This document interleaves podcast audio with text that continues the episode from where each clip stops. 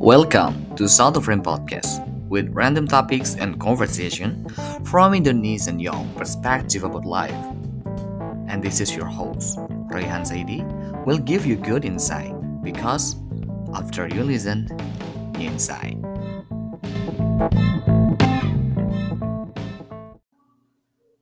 Halo, gue Rayhan, tuan rumah Satu Frame Podcast. Kesempatan ini gue mengajak seorang yang telah membantu gue untuk membangun podcast Satu Frame di awal tahun 2021, tepatnya satu tahun yang lalu. Rifki Kadafi, halo apa kabar Anda hari ini, saudara? ini tadi intronya itu ya ya langsung ya. Aduh, gimana kabarnya? Alhamdulillah baik-baik baik alhamdulillah. Alhamdulillah. Kamu sendiri gimana? Gimana? Tetap Alhamdulillah. sehat ya Ki ya. Walaupun banyak orang yang Alhamdulillah. bilang lu sama gue musuhan katanya. Beneran Ki? Musuhan dari mana sih? Karena karena gini loh. Karena kemarin tuh ya, ini kita klarifikasi aja ya kali ya. Oh kayak kayak artis besar aja gitu ya klarifikasi gitu kan. Jadi kan Oke, oke, Rifki. Kadafi teman-teman kalau Hmm. pernah dengerin di episode 0, 1, 2, 3 ini ada suaranya Rifki. Nah habis itu tuh nggak ada tuh suaranya Rifki gitu kan. Eh Mas Iya. Royhan ini musuhan ya sama Mas yang awal itu. Hah? Enggak kok hubungannya baik kata gua. Dan itu gak satu dua orang gitu kan. Karena di awal-awal kita kan ngebangun podcast ini berdua ya Ki ya sebenarnya. Iya, iya, iya. Dan ternyata lu ngilang gitu. Lu ngilang. Tiba-tiba Orang-orang ya. orang-orang banyak yang bilang kita tuh musuhan gitu Ki. Emang kita musuhan ya Ki? enggak lah. Kan sebenarnya ya mungkin kalau orang yang nggak tahu mungkin ya mungkin mereka kayak menerka-nerka. Kira-kira kenapa kok tiba-tiba di episode-episode selanjutnya gak ada suaraku kayak gitu mungkin. Terus orang-orang ya karena gak ada follow up dari kamu ataupun aku ya akhirnya gitu. Jadi mungkin orang orang mikirnya kita musuhan kayak gitu. Padahal Enggak enggak. Padahal kagak ya teman-teman ya, framer di rumah ya. Jadi pendengar kita framer namanya. Di rumah tuh kalian tuh jangan bilang kita musuhan. Padahal ya aman-aman aja sih dengan background alasan kita. Mungkin kita coba refresh satu tahun lalu bahwa satu frame itu berawal dari kita punya frame yang cukup sama ya dari segi karakter Iya, karakter, dari segi background, nah seperti itu. Kita kita refresh lagi. Oke, wuh, Rifki Kadafi sudah lulus ya ternyata. Anda sudah lulus btw? Iya baru. Iya kayaknya lebih dulu kamu deh. Iya sih, iya sih. Tapi kebetulan. udah lulus, alhamdulillah baru baru selesai sidang juga. Iya, dan kebanyakan sibuk dah lo btw. Itu tuh apa namanya? Kesibukan lu sekarang jadi mandornya orang-orang. itu Sebenarnya- apa? Kerjaan apa sebenarnya- itu? Sebenarnya gak sibuk sih, karena emang notabene anak teknik itu kayak apa ya istilahnya? Emang kudu bener-bener langsung praktek gitu kan. Soalnya kalau gak praktek langsung kayak gimana gitu. Kayak sama kayak jurusan-jurusan yang lain sih sebenarnya.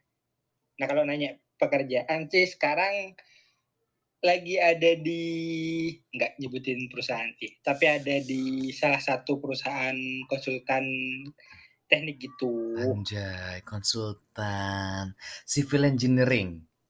Iya nggak sih? Iya. Teknik sipil nggak sih lo? Ya gitu lah. Itu apa? Proyek-proyek yang lu lakuin kemarin tuh apa itu? Kayak jadi di Kalau- jalan-jalan Kalau gitu. di konsultanku itu bukan kemandor sih, lebih ke lebih ke lebih ke pengawasan aja. Jadi kalau konsultan itu kan tugasnya ya mungkin tak sedikit tak breakdown ya teman-teman. Kalau misalnya teman-teman tidak terlalu familiar sama jurusan teknik sipil ini atau kerjanya. Jadi di teknik sipil ini kan outputnya kayak salah satunya pekerjaannya itu di bidang konstruksi gitu, konstruksi proyek gitu. Nah di konstruksi itu ada tiga bagian, ada perencanaan, ada pelaksanaan sama pengawasan teman-teman. Nah kalau di konsultan itu fokusnya ke perencanaan dan pengawasan. Nah kalau teman-teman pernah tahu atau pernah dengar istilah kontraktor itu lebih ke pelaksanaan kayak gitu. Jadi yang menjalankan kayak gitu. Nah jadi kalau aku di konsultan ini fokusnya ke perencanaan sama pengawasan aja sih ya. Oke, berarti bukan mandor ya, Ki, ya? Dari Bukan. konsultan. Apa bedanya sih mandor sama konsultan nih? Bukannya sama Kalau aja? kalau mandor itu lebih ke itu sih, lebih ke kontraktornya sih. Soalnya kan yang Oh. ngelaksanain langsung proyeknya kayak gitu. Nah, sedangkan aku cuman ngawasi aja gitu. Sesuai enggak sama perencanaan yang udah direncanain kayak gitu. Oke. Jadi kesibukan di situ ya? Karena gue lihat dari kesibukan lu, ya cukup berduit lah sekarang ya untuk menghasilkan duit. Loh, bener nggak? astagfirullahaladzim. Loh loh, itu itu tuh adalah adalah sebuah Jangan doa dibahas. ya, doa dan sebuah harapan sebenarnya. Bener nggak sih duit lu udah lumayan? Nggak nggak lumayan, tapi cukup lah buat buat itulah, buat makan sehari-hari lah. Ih, project-project banyak lah anak Tapi sipil loh. itu tuh, ah, tadi kamu nanya ya, ya, buat projeknya itu apa aja ya? Mhm. Lupa aku sampai mau eee, jawab. Nah, kalau projeknya kebetulan di konsultanku itu yang kita awasin itu, eee, proyek proyek drainase lingkungan. Kayak itu, kayak apa ya, ya kayak di pinggir di pinggir-pinggir jalan gitu. Terus, eee, jembatan sama jalan, kayak ngaspal jalan gitu.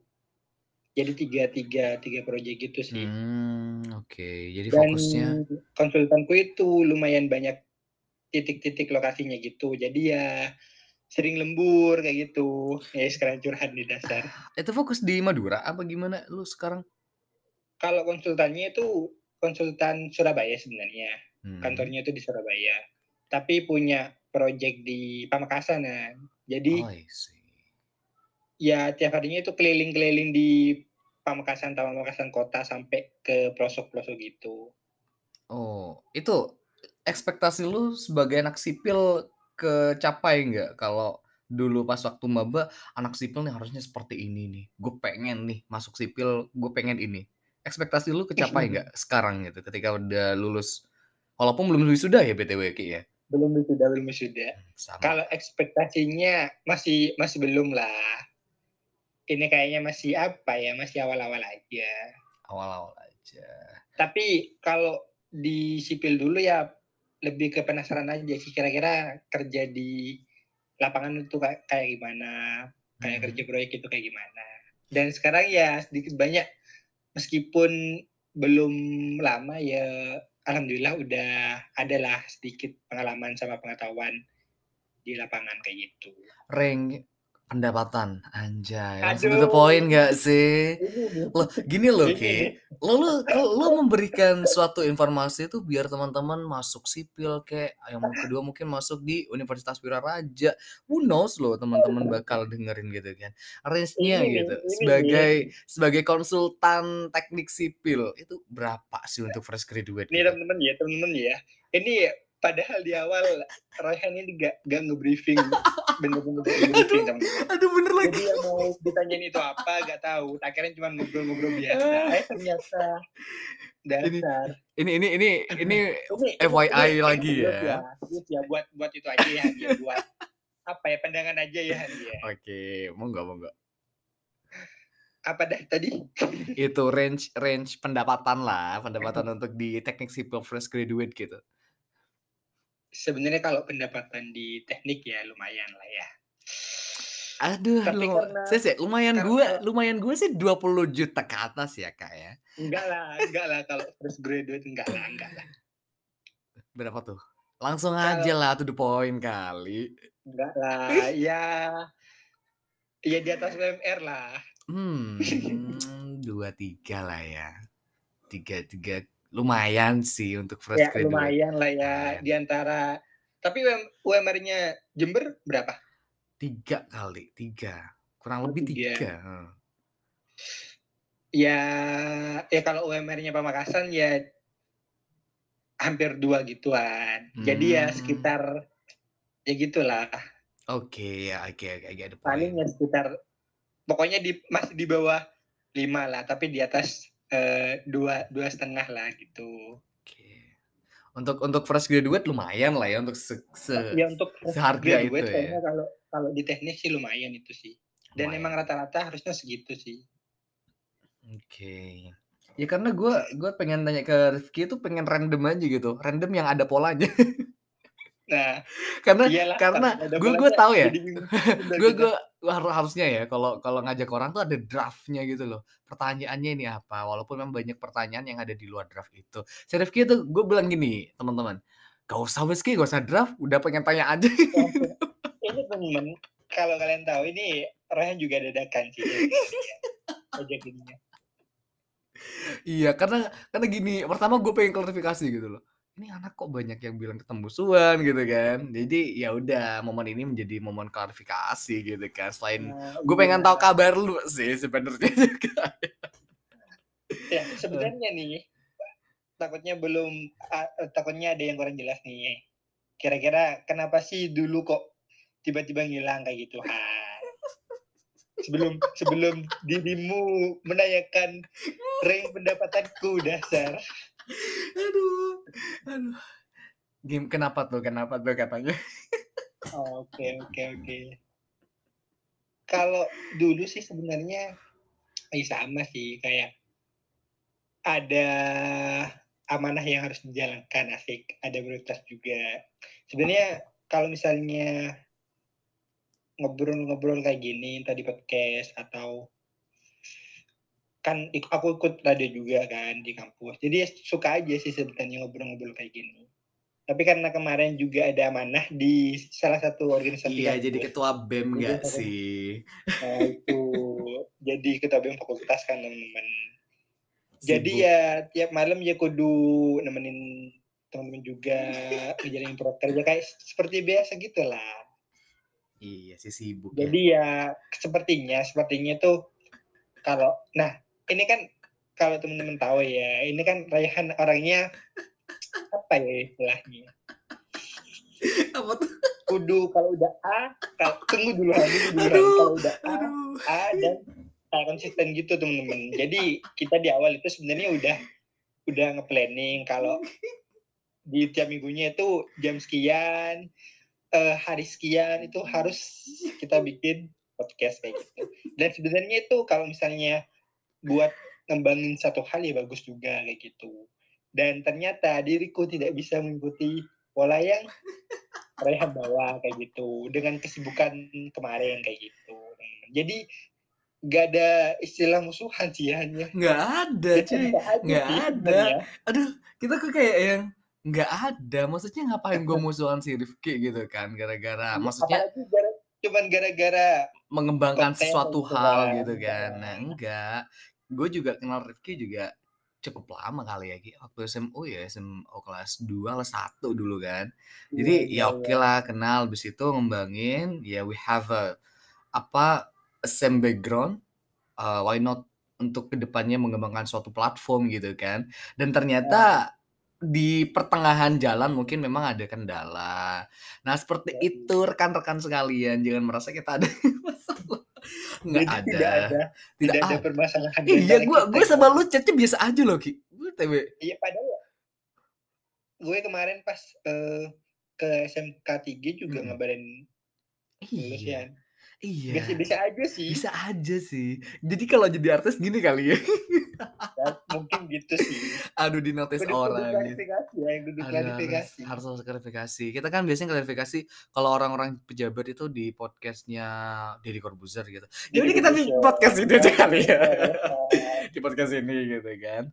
Oke, aduh udah klarifikasinya udah ya teman-teman. Jadi gue sama si. Rifky nggak ada ya, masalah gitu kan. Oke, gue pengen lihat background-nya si Rifky la lagi kalau beliau nih ya, salah satu orang yang yang gue kenal dengan banyak banget branding ya, terutama di ambasador atau duta. Duta apa aja sih lo, Ki? Gue gue gue ini ya, gue Sebut ya. sebutin. Lo duta. Wiraraja, ya. Kacong lo ju d dan Kacong ini kayak duta wisata teman-teman, duta persahabatan ya kalau nggak salah. Habis itu batik Iya. juga, duta genre, duta A, B, C, D. Aduh, ngapain lo ikut duta-dutaan, Ki? Emang eh, ini yang pertama tuh ya, ini gue tanpa skrip ya. Ngapain lo Iya, ikut duta-dutaan? Nah, habis itu yang kedua yang eee, ketika lo jadi duta-dutaan, bantu lo nggak di apa namanya, di kerjaan lo saat ini gitu? Mmm, menarik sih, menarik. Pertanyaannya menarik. Uh, aku jawab ya. Ya monggo. Jadi, jadi gini teman-teman. Ternyata personal branding itu benar-benar kita butuhkan itu. Kita butuhin banget. Jadi kalau misalnya teman-teman emang apa ya istilahnya ingin membangun personal branding bisa dimulai dari sekarang itu teman Jadi karena nanti di dunia pekerjaan itu bakalan dibutuhkan banget branding yang kita punya kayak gitu.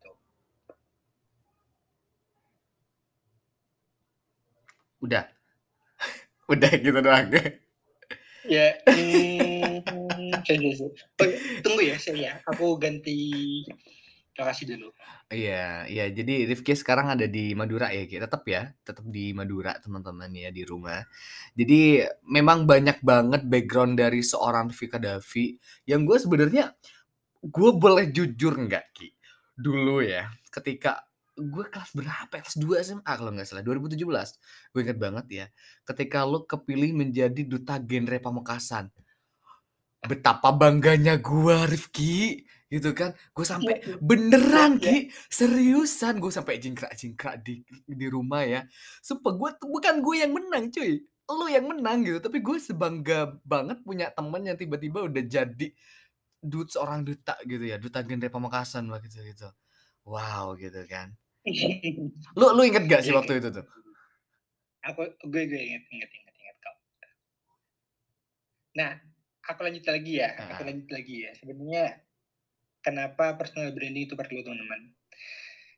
Karena ternyata ternyata branding yang kita buat branding yang kita bikin itu bakalan nentuin kira-kira kita bakalan masuk di dunia kerja yang seperti apa. Nah kalau misalnya Rehan nanya, kira-kira dengan background dutaku beberapa predikat duta yang udah pernah diamanahkan ke aku, kalau boleh jujur ya, kalau di bidangku di teknik ini sebenarnya tidak tidak terlalu banyak berpengaruh. Bahkan hampir nggak ada sama sekali sih teman-teman. Makanya waktu sebelum lulus aku emang pengen branding diriku itu nggak lagi sebagai seorang yang punya beberapa amanah perdutaan tapi ya lebih ke menggiring lagi uh, personal brandingku ke bidang-bidang yang berkaitan sama keilmuanku kayak gitu. Jadi benar-benar akhir-akhir ini aku juga nggak terlalu itu Han, nggak terlalu aktif lagi di bidang kedutaan. Emang benar-benar pengen ngerubah branding yang sudah ter apa ya istilahnya? Apa apa udah terapa ya? Udah ke mindset orang kalau oh Rifki Kadafi uh, itu iya, duta kalau misalnya gitu. orang udah ngomongin Rifki atau orang kenal Rifki itu ya pernah ikut duta dan sebagainya gitu. Dan sekarang pengen tak rubah mindsetnya itu. Jadi brandingnya sekarang lagi digiring untuk fokus ke dunia yang berkaitan sama keilmuanku kayak gitu. Karena btw duta lu banyak banget nggak satu dua gitu loh kemarin itu dan memang pertanyaan orang-orang uh, mungkin kalau di relasi pengalaman ya kita dapat lah ya dari dari duta ya, itu gitu kan. Tapi kadang ya. dengan apa pun yang sudah kita lakukan sebelumnya, gimana sih pengalaman sebelumnya itu yang membuat kita lebih encourage lagi gitu, akan terdorong lagi. Dan lu bilang barusan bahwa hampir zero pengalaman sebelumnya itu membantu lo di pekerjaan saat ini gitu. Dan apa kalau apa kalau lo mikir kalau apa yang lo lakukan sebelumnya itu Misal ya, mungkin ini ini pertanyaan yang lebih belak-belakan lagi. Enggak, ya ngapain sih harusnya gue bukan duta yang gue lakukan sebelumnya gitu. Gue harusnya mencari jalan lain, kayak wasting time gitu loh. Menurut lo itu ada di pikiran lo nggak? Sejauh ini ya. Hmm. Namanya juga hidup ya Han ya. Hmm. Jadi kudu kudu nyoba banyak hal sih sebenarnya teman-teman. Dan kalau misalnya apa yang udah kita lakukan ternyata gak sesuai sama apa yang bakalan kita tuju ya gak apa-apa. Namanya juga proses kan.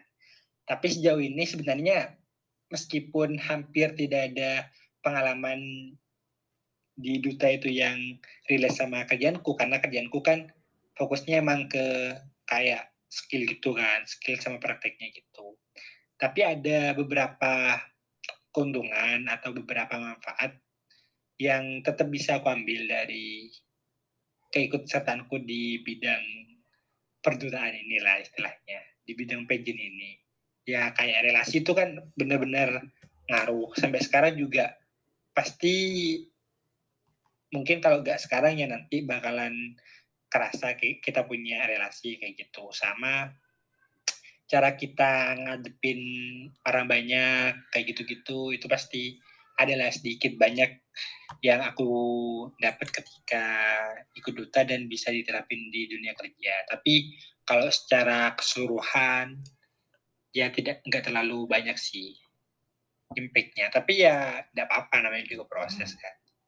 Jadi dan aku juga tidak menyesali dalam mengikuti berbagai hmm. event-event hmm. kayak gitu. Oke, no wasting time gitu ya, nggak nggak buang-buang waktu, malah lu ya bersyukur ah. dengan pengalaman yang lu punya sebelumnya gitu kan. Karena memang banyak proses yang orang lain tuh nggak tahu resultnya tuh seperti apa gitu kan. Yang sebelumnya dia tuh juara matematika, eh ujung-ujungnya tidak fokus di matematika gitu tuh banyak yang gue temui juga sekarang.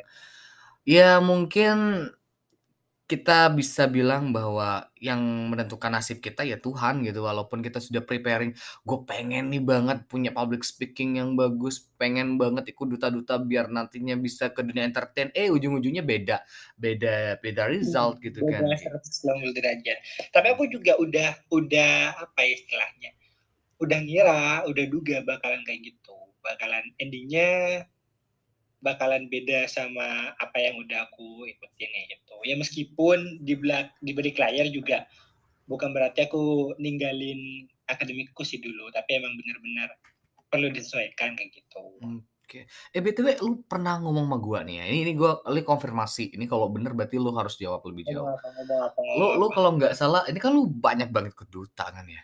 Lu kalau nggak salah dulu bilang kalau gua tuh insecure gitu gue menang duta tapi gue sorry ya sorry to say secara physically lebih ada yang lebih dari lo gitu kan.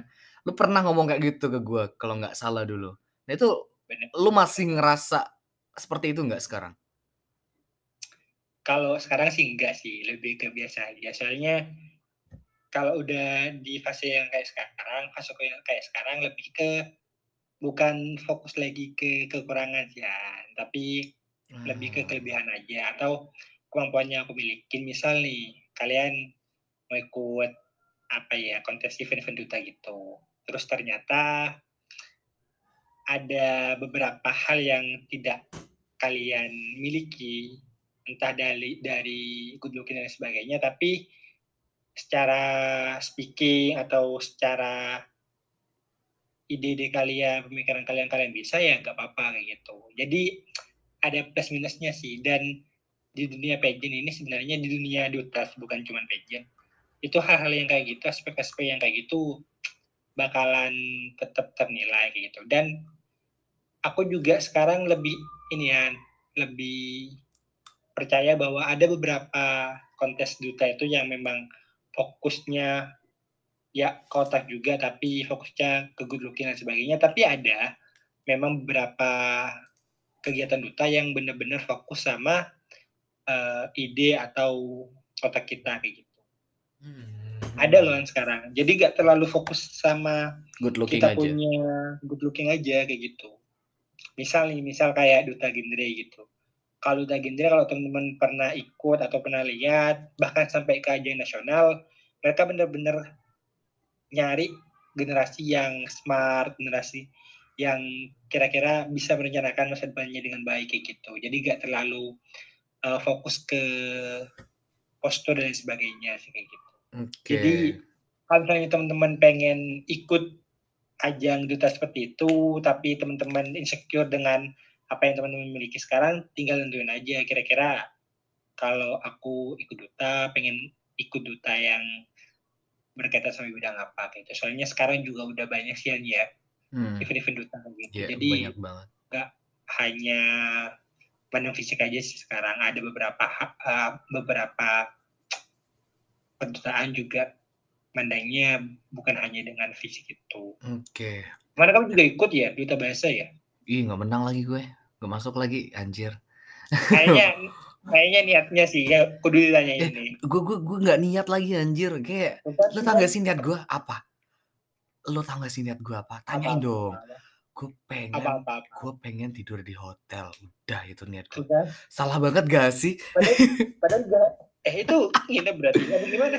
Enggak, kalau lu menang gitu kan. Maksudnya finalist lah, as finalist. Ya minimal lu kan nginep di hotel ya. Gue kan lama kan selama pandemi kan gue jarang nginep di hotel kan BTW kan gak Ya kan kayak dulu. bisa ikut kegiatan apa gitu kan. Iya, paham. Tapi kan setidaknya aduh salah niat nih. Ini gue gue gue di situ belajar sih untuk ya ketika lo sudah mau terjun ya niat lo harus yang bener-bener nawa itu gitu loh. Dan bener-bener kayak ya harus prepare yourself gitu.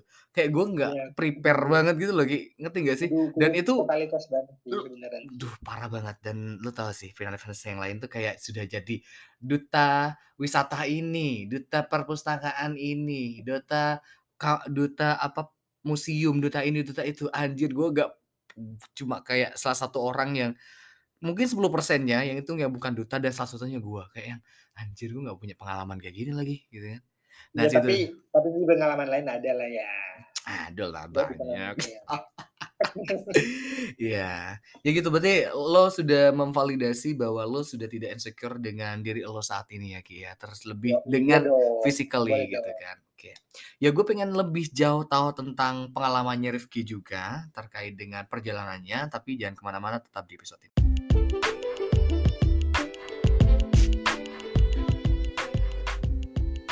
Buat framer yang ingin bekerja sama dengan Satu Frame Podcast sebagai media publikasi atau media partner, bisa banget hubungi gua di @ryansaidi atau di IG Satu Frame at Satu Frame Podcast.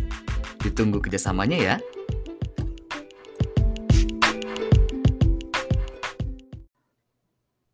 Oke, balik lagi bersama gua dan Rifki. Jadi gue barusan sudah tahu bahwa Rifki tidak insecure dengan apa pun yang telah dia miliki saat ini. Terlebih dulu pernah bilang kalau waduh kok gue jadi duta ya padahal gue seperti ini gitu kan. Ternyata sudah divalidasi barusan ya gue bersyukur dengan apa pun yang Tuhan kasih anjay.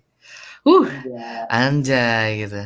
Apa lu tapi, tapi yang gimana? perlu yang perlu di yang perlu dibegaris bawahi sebenarnya teman-teman meskipun kalian punya kekurangan tapi ketika kalian ya udah terjun di bidang itu kalian juga perlu menyesuaikan diri dengan apa-apa yang memang udah ada di bidang itu. Jadi kalau misalnya ya ke duta gimana caranya kalian kayak secara penampilan menarik kayak gitu. Kan menarik bisa didefinisikan berbeda oleh orang-orang kan. Jadi gak harus yang punya tubuh kekar atau yang punya badan tinggi banget kayak gitu. Jadi ya disesuaikanlah sama kebutuhan atau ketentuan yang ada di bidang itu kayak gitu sih ya. Oke, berarti ya lihat requirement-nya juga ya persyaratannya. Karena kalau di persyaratan kalau ikut kebutuhan itu ya menarik ya, berpenampilan menarik, bukan berpenampilan good looking.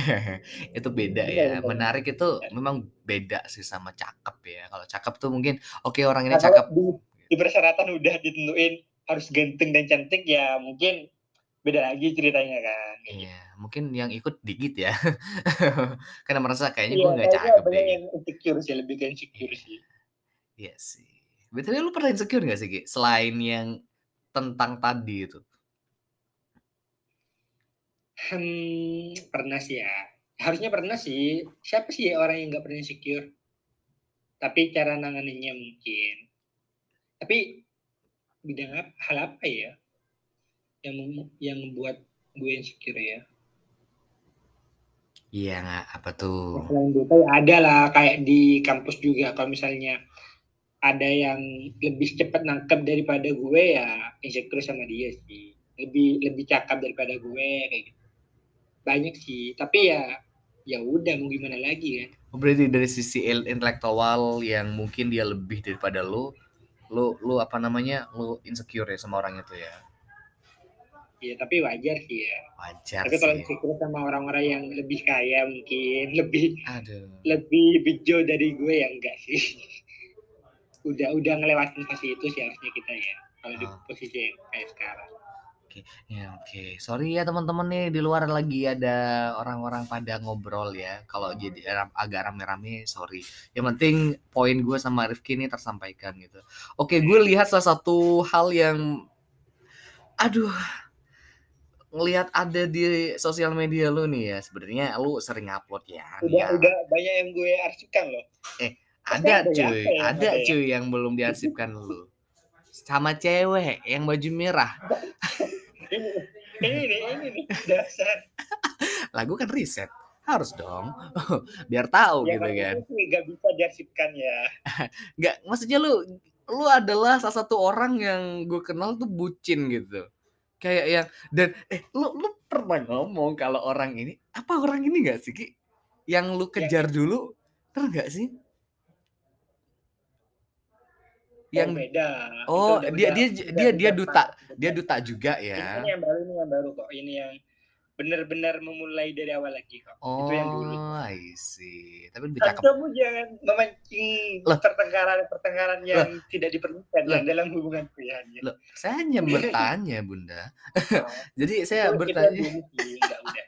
Udah aman, udah aman buat Oh, sekarang. Aman. Gak kan dulu mengejar salah satu orang yang wah sepertinya tidak akan digapai lo gitu kan tapi lu berharap oh ternyata Ya, ini ternyata adalah orang yang berbeda ya Iya, ternyata apa yang kita inginkan itu mungkin bukan yang terbaik kan. ah betul oh berarti yang sekarang yang terbaik ya Ki Ya, untuk sejauh ini iya sih. Hmm. Dan mungkin juga lebih ke kira-kira kalau misalnya kita ngejalanin hubungan ya, kayak bukan bukan cuma dari satu sisi aja sih, tapi dari harus da- dari dua sisi. Jadi kalau misalnya kita suka sama si A nih, pengen ngejalanin hubungan, ternyata cuma kita yang suka, tapi si A juga suka ya, kayak gak baik juga. Tapi kalau saling apa ya, ada feedback, entah dari perhatiannya dan sebagainya, itu mungkin bisa jadi poin plus sih buat teman-teman semuanya framers yang mau menjalankan hubungan kayak gitu. Jadi banyak aspek sih. Tapi kalau yang dulu udah udah enggak sih udah tidak tidak tidak lagi se excited untuk mengejarnya lagi. iyalah. Kan lu udah Dan punya. udah dan udah kan lu udah punya. Karena gini Ki apa namanya orang-orang bilang kalau eh, mungkin pacaran pacaran yang sebenarnya itu bukan waktu SMP SMA gitu. Waktu mungkin kita sudah mau lulus gitu mau kuliah apa waktu kerja gitu. Lu lah ngerasain itu dah lu kayaknya udah lama ya sama orang yang ini ya Ini paling lama sih ya. paling Jujur ya lama. teman-teman. Ini ini merupakan hubunganku yang paling lama daripada sebelum-sebelumnya. Oke. Ya mungkin yaitu kalau sebelum-sebelumnya mungkin tidak terlalu serius terus definisi pacarannya juga berbeda kan kita yang sekarang.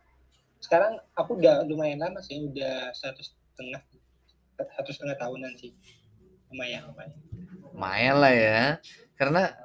Kalau secara looking ya lumayan sih juga lo Ya pin- lo apa pinter pinter banget ya. sih cari cewek. Iya. Iya dapetnya kayak Iya. gimana? aduh kayak dapatnya kayak gitu tuh kayak yang anjirnya anak kayak aduh lo ngejek gua karena ini Ya, lumayan tapi ya jangan- teman lumayan lumayan Jangan lumayan terlalu jangan terlalu meninggikan kan. Bersyukur aja. bersyukur aja Eh tapi kalau kalau lo gimana hubungannya? anjir Sekarang kenapa lo nanya menjalin- Lo kan nih, nih ya teman-teman ya. Mungkin teman-teman juga juga tahu ya.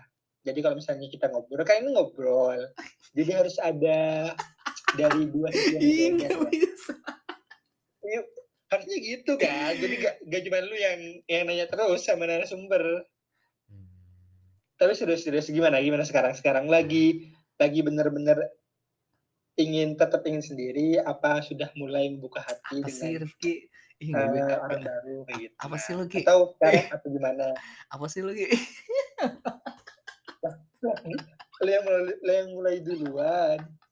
Jadi ya apa-apa lah ini ya. Sekali lah ya. aduh aduh gini ya mungkin mungkin gue juga do doa sih mungkin teman-teman yang deket gue gue pernah cerita tapi nggak banyak mungkin Ya, sekarang, sekarang, 2000. sekarang semua friend semua kan. Iya, mungkin yang lagi dengerin podcast ini, episode ini terutama bakal tahu ya alasannya apa.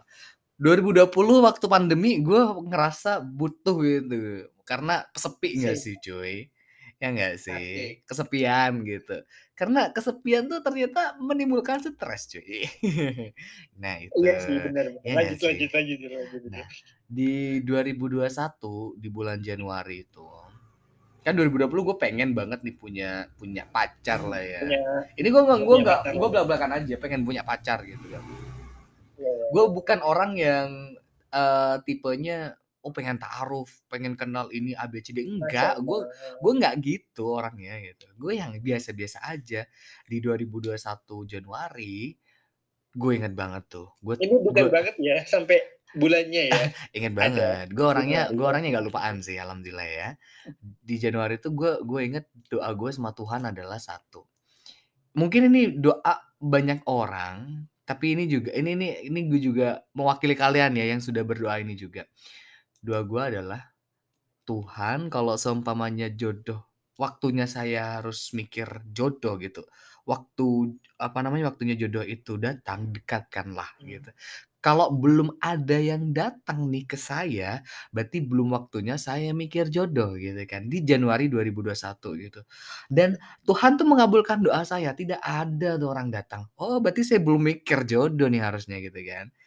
Masa Oke. masa? Iya betul cuy. Dan gue memaksa diri untuk, mmm, apa ya, di September 2021 tahun lalu ya, gue inget banget juga. September iya September itu gue mencoba mendekatkan diri dengan mendekatkan diri, dekat sama seseorang lah ya, dekat sama orang lah ya. Ternyata gue mikir gini. "Waduh ini kayaknya bukan bukan bukan jodoh gue nih." Karena gue memaksakan diri untuk suka sama dia gitu kan, bukan Tuhan yang berikan, Oh. eee, gambaran kalau ini jodoh gue. Jadi gue gue pelan-pelan kayak menjauh sama dia dan ternyata dia udah Oke. punya pacar baru. Oke bener nih Tuhan. Terima kasih Oh. Tuhan gitu kan untuk pola pola Ya rumus yang mungkin Kau berikan. Sampai sekarang udah kayak yang nggak ada yang, eee, apa ya, bikin brek gitu, nggak ada. Oh Ya berarti mungkin yang waktu itu waktu itu ya nunggu nunggu kamu juga, tapi Rayhan mungkin nggak gercep ya, jadi diambil orang lain ya temen-temen Framer semuanya ya. Ya Enggak kit kita kan juga nggak tahu. sih enggak juga sih, karena gue waktu anjir kok gue jadi curhat ya. Eh, enggak juga, kayak gitu anjir. Jadi kayak yang enggak juga sih, waktu itu memang dia merasa oh ternyata gue tahu dia, eee, apa ya, mungkin gue bilangnya bukan yang terbaik lah ya. heeh, itulah poinnya di situ. Dan sampai sekarang pun nggak ada cuy. Jadi ada. alasannya nggak ada ya itu tadi gitu. Dan yang kedua gue ngerasa, iya belum aj belum mikir belum mikir aja, kepikiran aja. Gue kayak ngerasa, oh sendirian lebih enak gitu. Kadang oke sendirian, ah, enak banget cuy sendirian. Aduh, lu lu tahu sendiri kan waktu lu sendiri kayak gimana. Mungkin kalau kalau di apa, lagi sendiri, eee, dilemanya tuh ketika ngelihat teman-teman yang lagi pacaran, yang lagi apa ya, "Uh, kok so sweet ya?" Itu doang sih. Itu mungkin itu itu doang kata-kata yang terucap. Tapi dominannya yang ada di otak gue adalah ya, gue ngerasa ya udah gue nyaman aja gitu loh. Dan kalau ngomongin jodoh ya bukan ngomongin pacar, emang harus sih punya pacar? Gue mikir itu sih, emang harus sih Iya punya sih. pacar gitu kan. Eh tapi tapi lu pernah pacaran kan? Dulu banget cuy, 6 tahun yang lalu. Oh, 6 tahun yang lalu. Oke oke oke oke. Aduh. Iya 6 tahun yang lalu, tahun 2016 itu, gue pacaran 3 bulan, udah Tapi itu udah terakhir. udah move on kan harusnya sih, harusnya 6 Move on tahun udah cuy. bisa. Temen eee, ya itu udah udah udah punya anak kayaknya. Aduh, jadi buat buat, Aduh. mmm, Mbak itu yang dulu pernah pacaran sama Rayhan ya, semoga bahagia ya, ya. Bahagia kok dia. aja Uh, bahagia banget lah dia. Dia kan dia kan mendapatkan orang yang lebih dari saya, berarti kan bu saya bukan jodohnya dia gitu kan. Berarti 3 bulan itu saya menjaga jodohnya orang. Nah itu yang gue takutin Ki, gitu kan. Yang ada di lapangan pun banyak yang kejadian kalau, apa ya, kayak yang udah 3 tahun pacaran ini ini gue gue cerita ya. Jadi, Iya iya eee, iya iya. minggu minggu kemarin ya, gue gue Mhm. baru denger cerita ta'aruf dari seorang cutting ya. Ini cewek cutting gue heeh. Jadi tuh Wah, dia tuh udah pacaran eh, gimana sik tuh? sik sik, eee, dia tuh pinter banget gitu kan. Jadi dia tuh sering diundang di salah satu eee, di di banyak kegiatan. Nah salah satunya di satu fakultas yang ada di universitas gue juga. Nah Si Mmm. Mbaknya ini kan sudah turun ya, sudah selesai kegiatan, setelah itu Mbaknya tuh bilang, "Kok si panitia satu ini ya" padahal panitia yang lain tuh kayak ngasih salaman gitu ke dia. Ngasih selamat, "Makasih ya Mbak, sudah ngisi acara kita," gitu kan ceritanya. Si satu ini kayak nggak nggak nggak ke-notice gitu, kayak cuek aja, dingin gitu kan, si cowok yang si ini. Setelah itu, Iya. eee, ada yang nge-DM tiba-tiba, Mbaknya nggak tahu yang kalau yang nge-DM itu si dia gitu kan. Ya udah Mmm, cuma itu? heeh, habis itu terus? pengen pengen minta WA-nya cuma minta tolong buat, eee, apa namanya, mau bilang terima kasih dan minta temenan gitu kan. Ya nggak tahu kalau si ini orangnya gitu kan. Itu tuh lama tuh, Oh. berarti kan itu lama tuh, itu lama itu lama, habis itu kalau nggak salah tahun lalu ya. Jadi tuh kejadiannya kurang lebih ya agak lama, tiba-tiba si Masnya itu kan sudah punya WA-nya ya.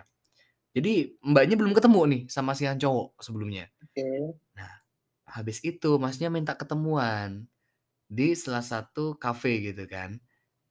Mbaknya nih nggak mengiyakan, karena apa sih gitu kan, kita belum belum bener. ketemu, Belum kan risih ya? kan, risih nggak sih? Habis itu si Masnya kayak yang, "Ayo aku pengen ngobrolin hal-hal yang penting, urgent dan kayak serius," Aduh. gitu. Nah, setelah itu pun Mbaknya karena kayak, "Aduh daripada gua diginiin terus, ya udahlah mending gua" eee, "temuin aja nih orang," gitu kan. Biar biar cepet kelar aja ya, biar cepet kira-kira kelar, dan lu tahu apa Ki yang dia ngomongin di di apa namanya, di obrolan itu? Eee, anggaplah si A gitu ya, Mbaknya, "A, Eee ini aku pengen serius, mau nggak aku lamar?" Gitu. Hah! Mbaknya Mbak A ini kaget dong, "Eh, enggak enggak ada enggak ada enggak ada," gitu kan, "lu nggak usah wes sama gua," gitu. Maksudnya kayak, "Jangan gue deh, mending yang lain aja kalau masalah ta'aruf," gitu kan. "Gue belum Ah, siap gue belum siap," gitu kan. Dia tuh udah ngajak 3 kali lagi untuk ta'aruf. Mbaknya tuh kayak yang, eee, apa namanya, nggak mau dan ternyata di keempat kalinya itu, dia tuh nyadar kalau si Masnya itu sudah kayak mau dijodohin sama anak kedokteran. An anjir anak kedokteran nggak sih, gitu kan. Dan ternyata lu tahu ya, Masnya itu background-nya pebisnis cuy, punya toko gede. Background-nya yang mana? Yang Background-nya yang cowok cowok? yang cowok, Nah. pengusaha banget keluarganya, semua rata-rata rata-rata si keluarganya tuh pengusaha semua gitu kan. Nah, Oke, setelah terus itu terus? setelah itu si Mbaknya tuh kayak merasa kalau, "Emang keluarga lu mau nggak sama gua?" Gitu kan. Pas di situ. Heeh. Nah, kebetulan si Masnya itu orang Jember kan. Setelah itu Mbaknya tuh diajak ke rumahnya, rumahnya si Mas cowoknya. Pas Oh, akhirnya bilang akhirnya mau nih akhirnya mau eee, nih? itu belum bilang mau, cuma dibawa Tapi doang ada dulu. ada res ada ada respon yang ya Respon. dari Ya Mbaknya. karena karena Mbaknya tuh melihat ada effort dari Mas ini gitu kan, ada Ah, effort oke. gitu kan. Nah, setelah itu si Mbaknya tuh, eee, di apa namanya, diajaklah ke rumahnya si cowok. Habis itu si orang tuanya bilang gini, padahal kan rumahnya gede, pengusaha gitu kan. "Ya udah nggak papa kalau si Masnya ini merasa bahagia dengan sampean," gitu kan, "ya nggak papa, kita mah dukung-dukung aja," gitu kan. Ada sinyal dari orang tua. Setelah itu dia bilang, "Oh, kalau orang tuamu setuju, ya udah aku setuju," kata Mbak si A. Jadilah mereka nikah tahun lalu. Wah, ini gue ngerasa, anjir beneran. Da jadi gue mikir, "Anjir Mbak, gue baru dengeran ba baru beneran denger orang yang ta'aruf kayak gini," gitu kan. Jadi dia tuh nggak kenal sebelumnya, cuma Masnya tuh kayak secret admirer gitu loh. Dan Mbaknya bilang gini, "Iya Dek, beneran nih, karena gue ngerasa bahwa lo tahu nggak sih sebelumnya gue pernah pacaran sama orang 3 tahun dan ternyata nggak jadi," gitu kan. Gue gue takut Katanya gitu loh si Ki, kita yang balik lagi ke awal gitu kan. Gue takut Itu gitu gitu, pacaran lama-lama tiba-tiba kayak yang Katanya Mbak jadi. itu kan, yang pacaran 3 tahun? Apanya? Yang Iya. Mbaknya itu Kak, yang pacaran Iya, udah dia 3 tuh sebelumnya punya cowok gitu kan, yang sebelum se kenal sama yang sebelum yang yang sekarang gitu kan, yang yang suaminya sekarang. Iya iya Dia iya. pacaran 3 tahun, tapi nggak jadi, padahal banyak orang yang bilang, "Lu cocok nih sama ini A, B, C, D, F, G, H." Ternyata ya kandas juga nih. Nah itu sih, itu tuh salah satu alasan gue mungkin, mmm, bikin gue juga semakin kuat. Gue minggu lalu, minggu minggu ini, minggu kemarin tuh ketemu si Mbaknya. Jadi makin kuat dah gue mikir kalau, oh ternyata jodoh itu bukan perihal, eee, kita tuh gue tuh pengen deh nikah 26 tahun, gue pengen deh nikah 27 tahun, nggak gitu di otak gue kayak yang, ya kalau pengen nikah atau jodoh pun ya, kayaknya pas siap deh. Kayaknya gue nggak siap di umur 2 atau 3 tahun ini nggak siap gitu, secara finansial, fisikal, maybe I wanna prepare myself to, to get it gitu. Nah kayak gitu sih. Jadi seperti itu Saudara, kalau lu tanya ke gue, mmm, apa ya, kenapa sih alasannya masih sendiri? Nah salah satunya ya, gue ngerasa belum har belum waktunya mikir jodoh, ya belum siap aja, begitu. Nah balik lagi pertanyaan ke lu, lu main-main nggak sama anak ini? Kalau lu main-main mending putus deh, Ki. Aduh, enggak sih, kalau kalau sekarang sih enggak sih ya, udah ada posisinya masing-masing sih, nggak kayak dulu sih. Intinya hubunganku yang sekarang nggak kayak dulu sih. Sekarang juga udah kenal sama saling mengenal keluarga keluarganya masing-masing. Jadi aku udah kenal keluarganya, terus keluarga eh, terus pacarku ini udah kenal sama keluargaku kok. Jadi ya ada ikatan yang lebih lah kayak gitu. Ya meskipun meskipun belum belum tunangan atau belum nikah ya, Ya masih disegerakan ya. Masih harus masih harus banyak hal yang perlu dipersiapkan kayak gitu. Jadi masih lama sih aku sih. Kalau Sa kalau yang aku sama si pacarku ini masih lama, masih ya lebih dari 2 dan 3 tahun yang akan datang sih masih lama sih ya. Jadi nggak ada kepikiran itu. Tapi kalau misalnya ditanyain udah yakin apa enggak, terus main-main apa enggak, udah nggak main-main sih ya. Oh. Udah udah inget umur sih Apa kan. apa yang Ini membuat udah membuat diri lu bilang kalau gue nggak main-main itu apa sih sebenarnya? Nggak main-mainnya tuh di di apanya? Ya gimana ya jelasinnya, intinya kenapa aku bilang nggak main-main, soalnya cara kita ngejalin hubungan juga udah ya menurutku udah dewasa sih. Jadi nggak harus ngabarin tiap tiap detik atau tiap menit, enggak. Yang penting kalau misalnya udah ada kegiatan ya saling ngabarin aja kalau misalnya ada kegiatan, terus kalau misalnya tiba-tiba ada ada kabar karena lagi sibuk, ya udah nggak apa-apa kayak gitu. Jadi nggak terlalu intens juga. Tapi ya yang penting komunikasinya lancar lah kayak gitu. Mmm. Jadi nggak nggak terlalu nggak ada yang apa ya istilahnya, eee, overprotective atau gimana sih. Jadi itu sih yang menurutku aku berpikiran kalau hubunganku yang sekarang lebih sehat lah kayak gitu. Alhamdulillah, berarti lu merasa ini adalah yang tepat ya? Amin. Amin. Amin. Ya gue gue kalau gue sih bi bisa ngebahas hal yang lain nggak sih? nggak nggak bisa Selain sih nggak bisa sih. Nggak bisa karena asmara tuh salah satu hal yang unik dan aduh pasti nggak ada ujungnya sih kalau kita bahas gitu kan. Oke karena kita nggak ada ujungnya, gue pengen tanya terakhir nih ke lu, anjay terakhir aja ya karena kita udah ngobrol nih hampir 1 jam nih. Kalau kerasa ya udah kalau udah nggak pernah teleponan tuh kan, atau nggak pernah ngobrol langsung, pas tiba-tiba ngobrol itu lama sih ya. Iya sih.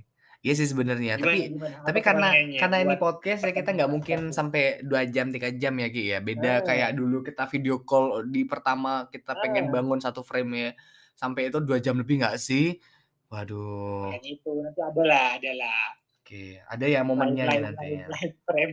Oke, karena lu kan anak teknik ya, sarjana teknik gitu. Mungkin lu Yoi. pengen menyampaikan sesuatu ke teman-teman yang anak teknik, mungkin teman-teman yang akan masuk teknik, terutama teknik sipil, dan terutama untuk teman-teman yang dulu kita pengen bahas tentang swasta sama negeri loh gitu kan. Perbedaannya yang ya wah, seperti apa sih gitu kan. Lu kan anak swasta bisa dibilang. Eee, apa yang lu rasakan? Apa lebihnya anak swasta sebenarnya? Gue nggak tanya, eee, mungkin kelebihan anak negeri ya, apa kelebihan anak swasta yang lu rasakan gitu? Gitu sih. Oke oke oke. Ya kalau buat temen-temen yang pengen masuk teknik, yang kira-kira memang temen-temen minat di bidang itu, passion-nya di bidang itu, ya punya skill yang menurut temen-temen cocok sama jurusan keteknikan, nggak apa-apa temen-temen. Bisa, eee, temen-temen coba aja kayak gitu. Tapi ya dalam perjalanannya perjalanannya juga, apa ya istilahnya?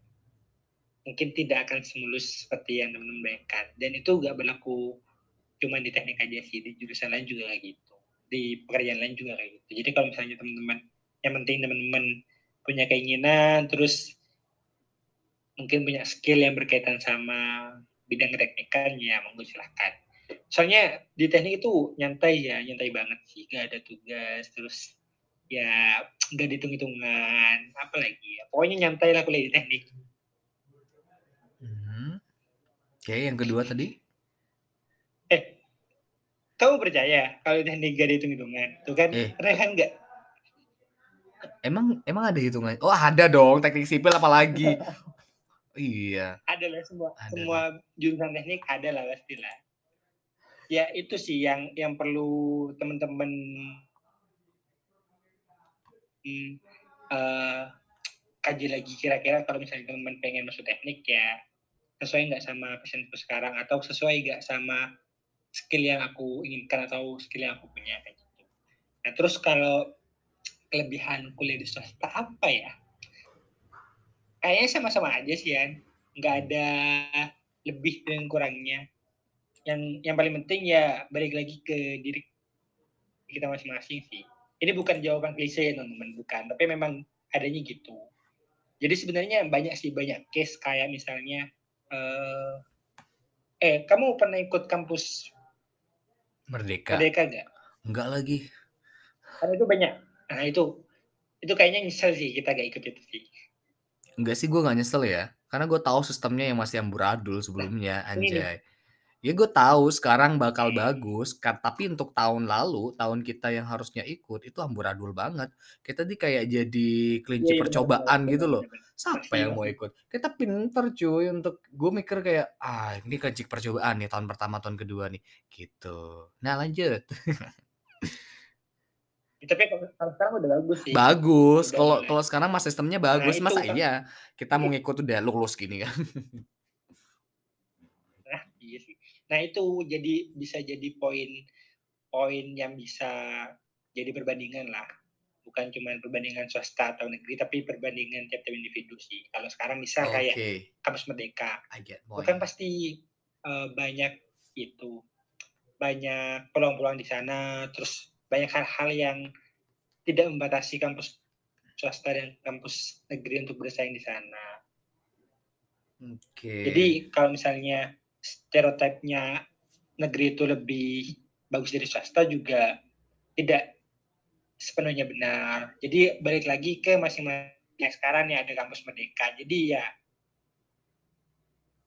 dibuktiin aja masing-masing individu entah dari kampus swasta atau kampus negeri kira-kira bisa bersaing nggak ngebawa dirinya sendiri kayak gitu hmm. karena banyak sih temenku juga udah lolos uh, kampus merdeka itu sih ada yang studi independen terus ada yang apa ya kampus mengajar ya kayak gitu-gitu jadi banyak sih dan belum tentu anak negeri juga bisa punya kesempatan yang sama kayak gitu jadi ya balik lagi ke masing-masing individu dan hmm. sekarang kayaknya anak-anak juga nggak terlalu itu sih, nggak terlalu ngelihat itu negeri apa swasta sih. Kalau aku sih dan teman-teman yang udah ada di perkuliahan, ya mungkin kalau buat adik-adik SMA sederajat mungkin hal-hal kayak gitu kayak PTN PTS itu tetap jadi pertimbangan yang cukup besar sih. Iya gak sih, Hmm, bisa dibilang. Kalau yang kalau yang udah kuliah terus udah ngejalanin dunia perkuliahan ya kayaknya sebenarnya sama aja sih negeri dan swasta ada kelebihan dan kekurangannya masing-masing sih hmm. gitu sih ya Oke, berarti menurut lo swasta dan negeri itu bukan sebuah komparasi, tapi bagaimana seorang individu atau personal itu menunjukkan kualitasnya gitu ya. Oke, hmm. Rifki Kadafi. lagi sih. Dikit lagi. Jadi sebenarnya meskipun tidak ada perbedaannya kayak swasta dan negeri. Tapi kalau misalnya teman-teman punya keinginan, mimpi buat kuliah di PTN terbaik dan lain sebagainya atau PTN favorit ya kudu dikejar juga. Jangan sampai karena teman-teman gak keterima salah satu PTN favorit kalian bukan karena apa ya istilahnya misal kalian ikut tes tapi ternyata usahanya kalian kurang jangan sampai bukan menyalahkan diri apa ya istilahnya ya kayak menjadikan faktor, ya nggak apa-apa kuliah di swasta juga baik kok, kayak gitu. Karena bukan apa ya, kok belibet sih jadinya di Nggak ending-ending-nya gitu. tahu sih, gue juga bingung ya. Jadi intinya gini temen, jadi intinya gini temen, kalau misalnya teman-teman, eee, pengen kuliah di kampus PTN atau ya perguruan negeri terbaik, ya silakan di tidak ada apa-apa. Jadi jangan ya gitulah Han, jadi Oke. bingung sih. Iya, gue paham gue paham. Teman-teman kayaknya udah paham gitu. Gue paham. Oke, jadi teman-teman sih. ya balik lagi ke personal kalian kalau ya. kalau Oh, kalian mau bener. pilih PTN ya monggo, PTS ya monggo, ya setiap setiap apa pun itu pasti ada kelebihannya masing-masing gitu ya. Oke, Rifky ya. Kadafi, thank you so much untuk kesempatannya kali ini. Semoga lancar selalu ke depannya ya, Ki, ya. Semoga lancar, Amin, apa, konsultannya juga semakin jaya selalu, semoga cuannya semakin besar. Thank you so much Rifky Kadafi, dan see you next episode. Dadah.